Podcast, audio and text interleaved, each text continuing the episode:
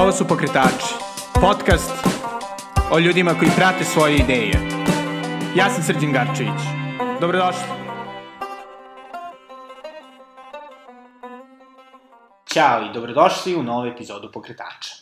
Danas ponovo nešto malo drugačije, e, jer ova epizoda je sa Nikolom Paronom, PR-om Ovation BBDO-a. Zašto neko ko radi u većem sistemu u pokretačima, pitaćete se, pitao sam se i ja.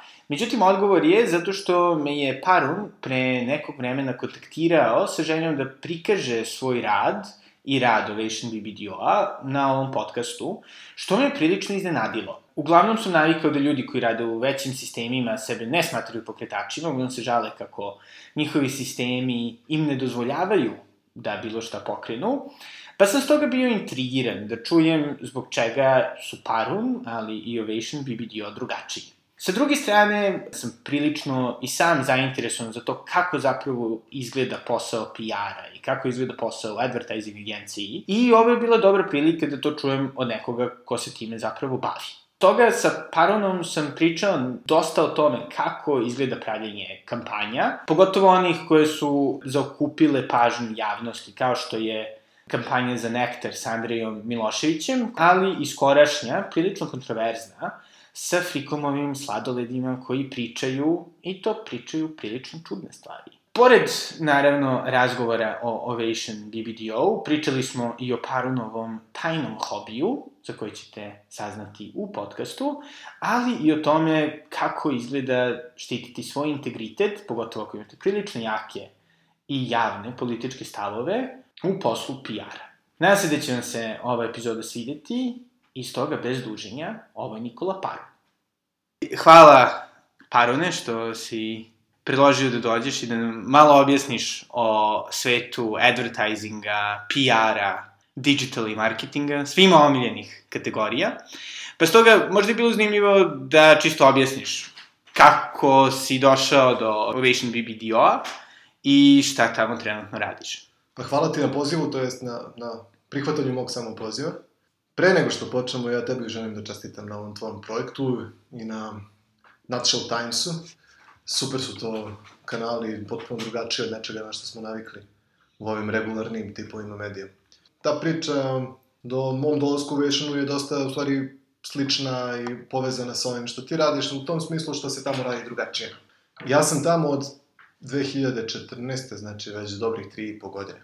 Pre toga sam bio PR libertarijanskog kluba Libek i sada posredstvom poznanstava međusobnih i posle par razgovora sa direktorkom, predloženo mi je u stvari da dođemo u Ovation i da krenemo da radimo neke stvari zajedno.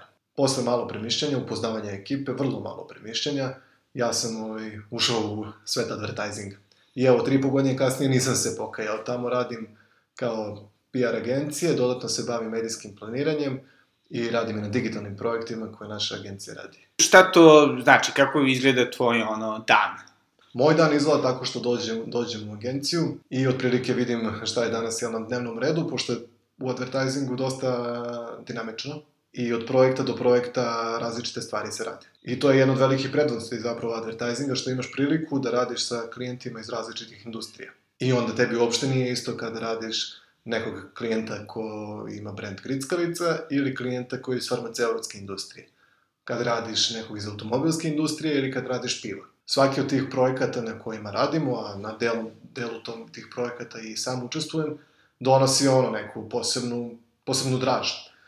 Tako da u tom smislu nije dosadno. Taj proces medijskog planiranja se odnosi u stvari na plasman ili reklama, na različite medijske kanale, sprem budžeta koji klijent ima, sprem želje koje ima, koju ciljnu grupu želi da dohvati, sprem toga kakav mu je brand, mi mu u Ovation BBDO definišemo medijsku strategiju i medijski plan, na osnovu kojeg se vrši kasnije zakup medija i onda ti vidiš reklamu na televiziji ili vidiš oglas u novinu.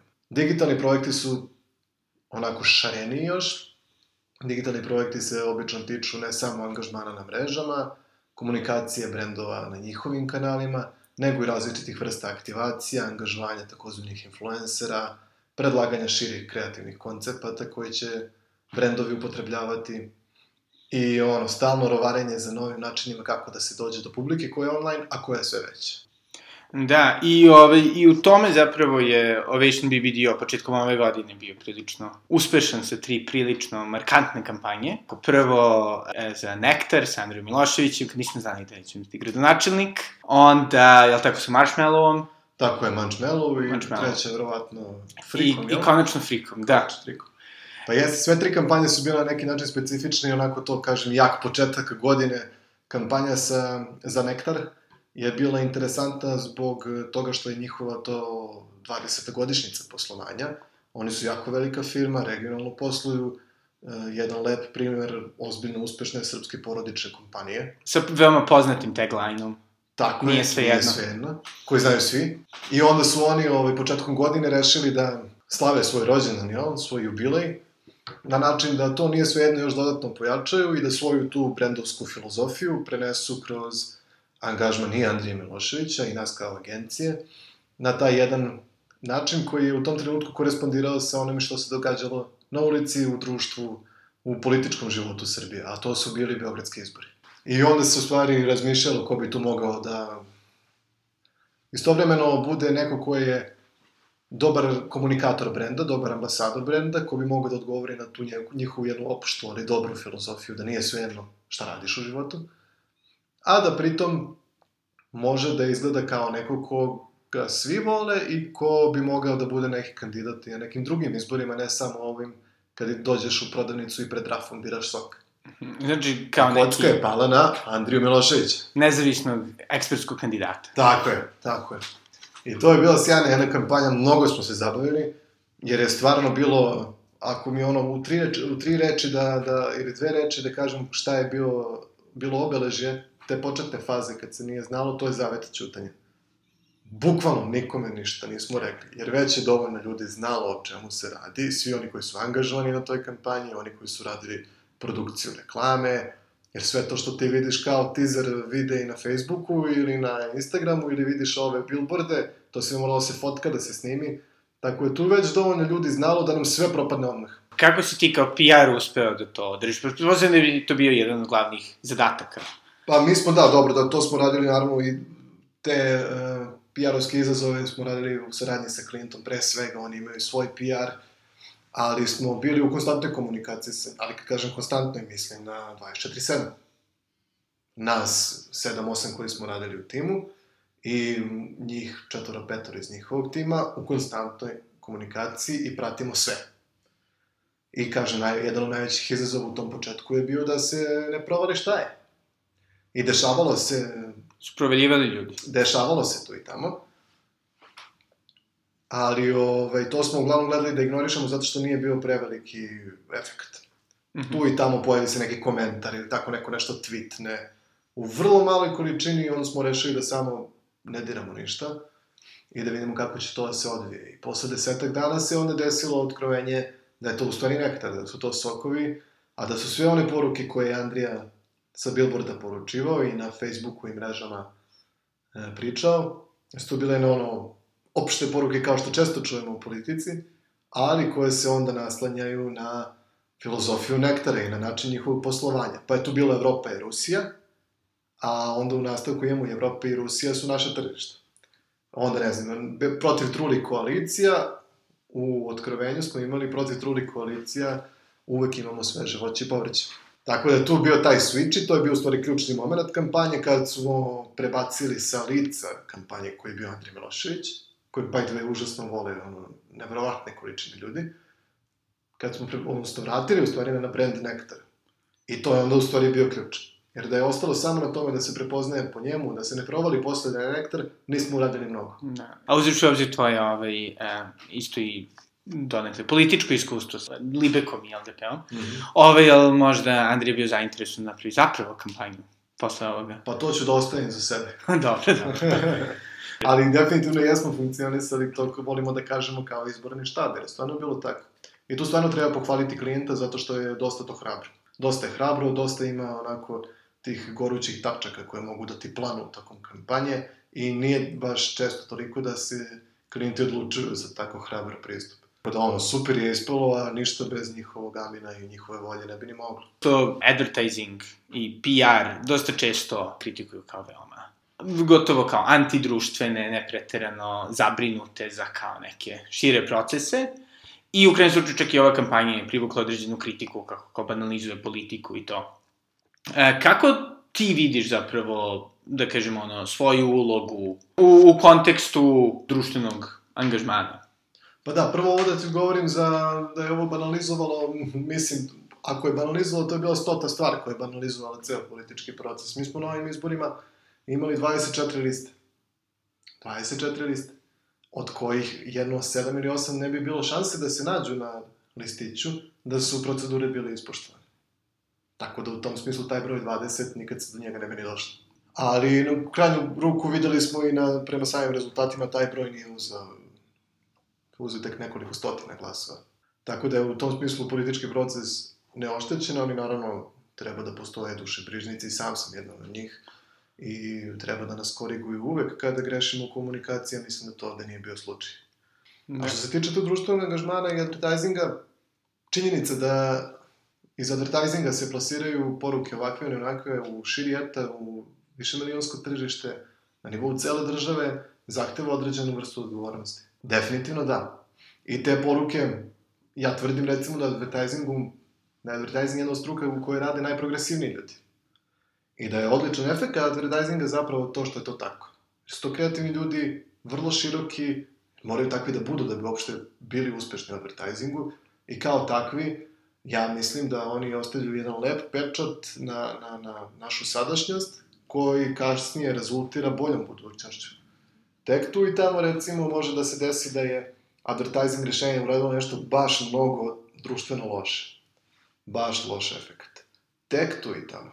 U većini slučajeva to je nešto što je ipak iskorak u odnosu na, na ono što je naša sadašnjost, naša realnost ili čak u apsolutno naš prosek. Mora da bude. Mora da zainteresuje, mora da, da izgleda dobro, a mora pritom i da korespondira sa odlikama brenda kojeg komunicira. Te u tom smislu je nije ovaj, jednostavno zapravo, čak nije jednostavno napraviti nešto što je toliko loše da ima poguban uticaj po društvu. A šta tebe lično nekako najviše ispunjava u tvojom poslu? Pa, odlična okolnost je što zaista dobra ekipa. To mi je ono na dnevnom nivou super pomaže. Smatram da je jako loše ako nešto radiš i koliko god da radiš, makar radio u nešto u lokalnoj samoupravi, vrlo malo, a došao u kući u dva popodne i da dođeš neispunjen i nesrećan, mislim da je to daleko lošije nego da ponekad ostaneš prekovremeno, ponekad radiš vikende, radiš dosta, ali dođeš kući srećan. Ono što je super kod, kod ovog posla jeste to što projekte na kojima učestvuješ vidiš ih u javnosti svaki put. Bilo to ono na internetu, ili na televizijama, ili u novinama, kako god, to nešto na čemu se radilo je pred tvojim očima.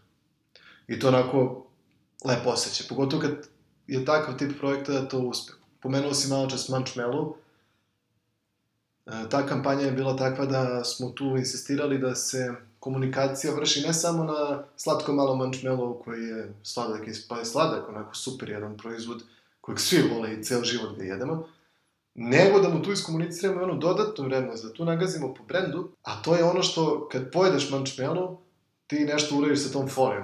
Mhm. Smotaš je kuglicu, napraviš neki oblik, ne znam šta. Na tom tragu predložili smo da se napravi billboard koji je potpuno zamotan u foriju. I taj billboard je zaista osvojio srca, ono, kako se to kolokvijalno kaže, jel, svih, e, svih ljudi koji su ga videli i na samoj ulici i na internetu. I kada to vidiš, onda zaista možeš da budeš ponosan na, na ekipu s kojom radiš i na agenciju iz koje dolaziš. Okay. I sada dosta često ovaj, pominješ ekipu i naravno to je ono, timski sport, ovaj, rad u advertisingu. Da Kako ti osjećaš da, da ti tvoja agencija daje dovoljno slobode da možeš da se izraziš, a opet i da on radiš sa drugim ljudima? Pošto pogotovo sa veoma kreativnim, progresivnim ljudima, to mi da bude pogotovo naporno.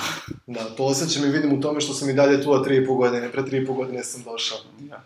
E, politika naša unutar agencije jeste da se ljudima ostaje što više slobode, da im se ne seku ideje, ako je, ako osporavaš ideju, moraš da predložiš neku drugu. Tako da tu u tim procesima brainstorminga koji često podrazumevaju neki nivoje sujete, težimo tome da se sve ideje pretresu, da se iz njih izvuku najbolje, da se testiraju na svaki mogući način i onda da se prodaju dalje. I onda to za čoveka koji uh, voli jel, da bude slobodni, a manje voli da bude apsolutno poslušan i, i samo izvršilac, onda je to jedan lep ambijent, ambijent za rad. I kažem, to što, što mi pokušavamo da uradimo jeste, jer ipak to što kažeš, kreativci koji dolaze, oni su vrlo često umetnički nastrojeni. To su ili ono potencijalni budući pisci ili dramaturzi ili u slučaju dizajnera neki grafički umetnici i tako dalje. I pristup da im damo zaista onoliko slobode koliko maksimalno možemo da im damo, donosi neki rezultat. I donosi za njih same, ili za nas same, donosi jednu vrstu ventila. Tako da je to vrlo onako funkcionišući, funkcionišući ambijent. I baš zbog toga što im ne, ne ograničavamo i sami sebi ne ograničavamo sve stvari koje radimo i van agencije ili radimo na drugačiji način, premda one ponekada nisu u direktnoj funkciji korisnosti za tekući projekat, apsolutno podržavamo i ponosni smo opet i na svakoga ko radi nešto sa strane, postoji neki uspeh ili radi nešto paralelno ili kroz projekat napravi nešto što na početku nismo očekivali da hoće, ali se desi. Mm, da, znači dosta imate tolerancije prema tim nekim, da kažem, neočekivanim I stvarima. Što dovodi zapravo do frikoma? Dakle, ta kampanja je bila interesantna, sladoledi pričaju, ok, kampanja sladoledi pričaju, zabavno je, i da leto, vruće vreme, ali se dešava onda da na mrežama se malo ako nešto uzmuvalo. Šta je? Nekoliko montaža koje su od nekud iz, ne, iz dubine neta izvučene na temu tih bilborda je krenulo da kruži netom. I kao, da li ste vi normalni? Šta je bilo? Bilo je, ne znam šta, Sneško sladoled, Sneška, Sneška, ne, ližeš mi sneška, nešto to. Izvini. Neko se smeška, ližeš mi sneška. Na primjer, da je ta bila jedna, a druga je bila, uh, neko je zamenio reč i onda je stajalo, od sreće skočio bih sa Pančevačkog mosta, umesto od sreće viknuo bih sa Pančevačkog mosta, kako je bio originalni tekst tog billboarda, I onda krenula katastrofa i to je sad trajalo danima, dok se na kraju, ili danima ili satima, kako god, dok se nije utvrdilo da je montaža u pitanju i da to nema veze sa pravim, ono, pravim billboardima, kojih je, by the way, bilo nešto da više desetina. I da ne, agencija nije predložila da neko skače sa pančerkom mosta, niti je liže sneška i ne, klijent nije prihvatio da njegov sladoled poziva ljude na samoubistvo, naprotiv. Ali kao i sve na netu, naravno traje kratko, ali traje vrlo intenzivno na kraju je, ovaj, kada se smirila situacija, ljudi su krenuli da se sa tim šale. I onda su oni pravili porukice u vreme različiteg tipa, gde sladoledi pričaju jedni sa drugim. I on to, tu se desi super moment. Mi smo to predlagali klijentu, a predložila mi njihova digitalna agencija, koja im je uradila jedan mikrosajt, gde su oni zapravo pozvali ljude da sve te forice koje bacaju na Twitteru i Facebooku ugrade u taj mikrosajt i da dodale te izjave koje pišu na mrežama sladoledima. Kada je ovaj, se skupio dovoljan broj tih zabavnih porukica, klijent je onda saslušao svoje mušterije, dakle oni koji su ih u prvoj instanciji vrlo kritikovali, i te poruke koje su oni napravili, da su zabavne i da nisu proste, naravno, ili da pozivaju na bilo koju vrstu štetnog ponašanja, primenjali na ulicama i prelepili deo svojih lica tim porukama koje su korisnici ostavili. I to je onako jedan lep uh, zaokret iz vrlo onako problematične PR situacije u nešto što je dodatni sadržaj koji nastavlja svoju kampanju dalje. Da, i čisto je to, ajde, da, da sada ovaj, se vratimo na, na taj prvi trenutak kada su krenule te lascivne ili blagoakresivne poruke.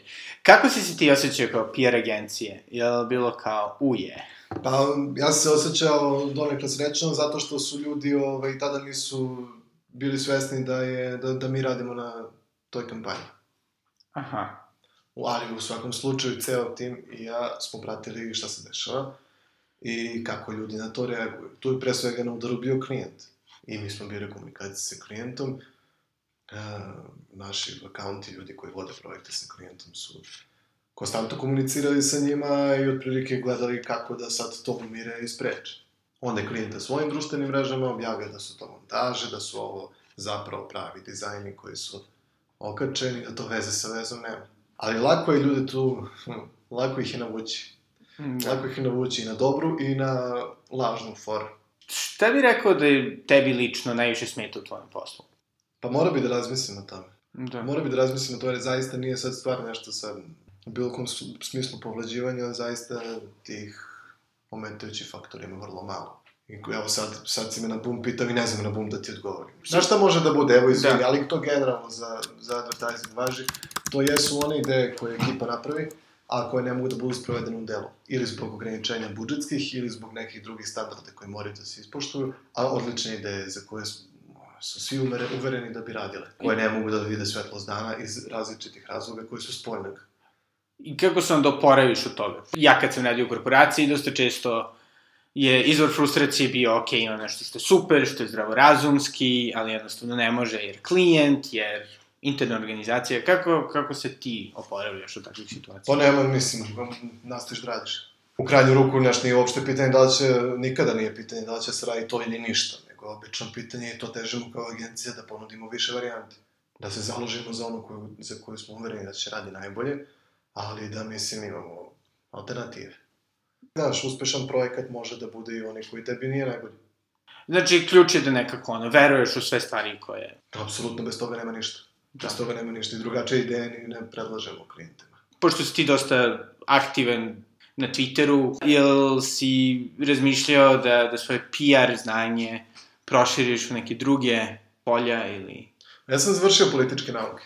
Ja sam završio međunarodne odnose i tako već dugo sam, ono, pola života sam na neki način vezan i za te društveno-političke tokove i u njima rado učestvujem.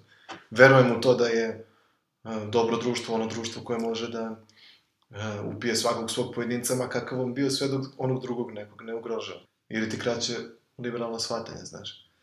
Tako da mi je, ovaj, na pameti mi je uvek e, i ta društveno-politička aktivnost i Twitter je onako isto ventil za tako nešto ako se time ne baviš aktivno. Kad god mogu, a da nema veze naravno da mi ne remeti poslove agencijske, ja ovaj, pomognem kome treba da pomognem, a da li u budućnosti vidim da i mogu time da se bavim, pa zašto da ne, svakako svoju sadašnjost i naredni neki period definitivno vezujem za advertising posao i agenciju koju sam. Super, a ovaj neki drugi projekti van Twittera, postoji nešto što ljudi ne znaju o Paronu, neki ovaj skriveni hobi. Svirao sam flautu kad sam bio mali.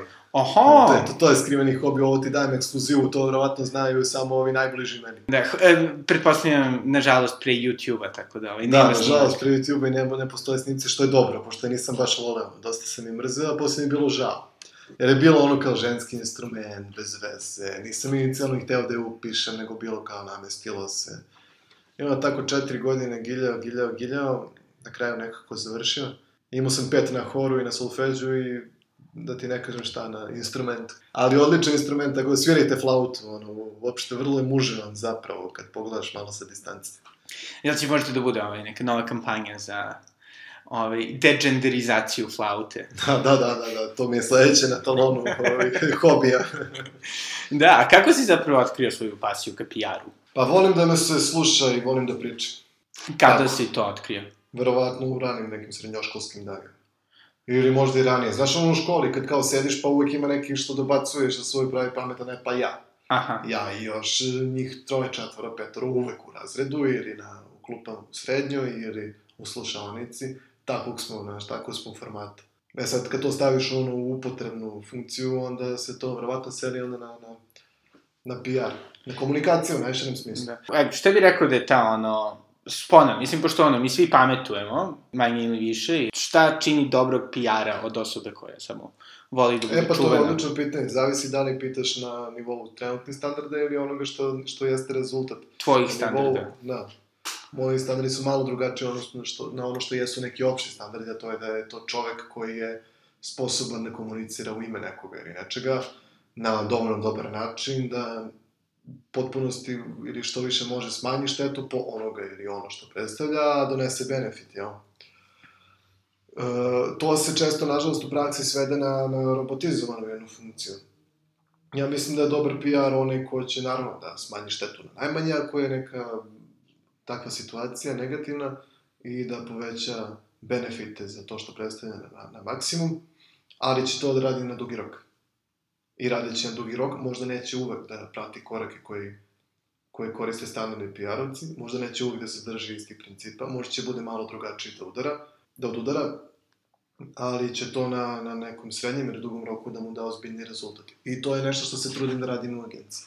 Pošto dosta ljudi ima, ima tu neku ogradu kao, ono, sad da ti predstavljaš nekoga, ali šta ako se kao ti suštinski ne slažeš sa njima, kao da je onda to dosta teže. Pa ne znam, pošto sam bio PR organizacije sa čim se ono uverenjima slažem i sada sam da. osim ostalom na poziciji PR-a agencije u čije projekte, pre svega ljude, a onda i posledične projekte, verujem, imam taj luksus da kažem da ne znam kako je to kada moraš da, pritom, ne moraš ti da radiš ništa, možeš da se baviš nečim petim. Ako si ti dogurao do pozicije ono, u svom životu da možeš da predstavljaš neku, to znači da verovatno znaš da radiš još nešto.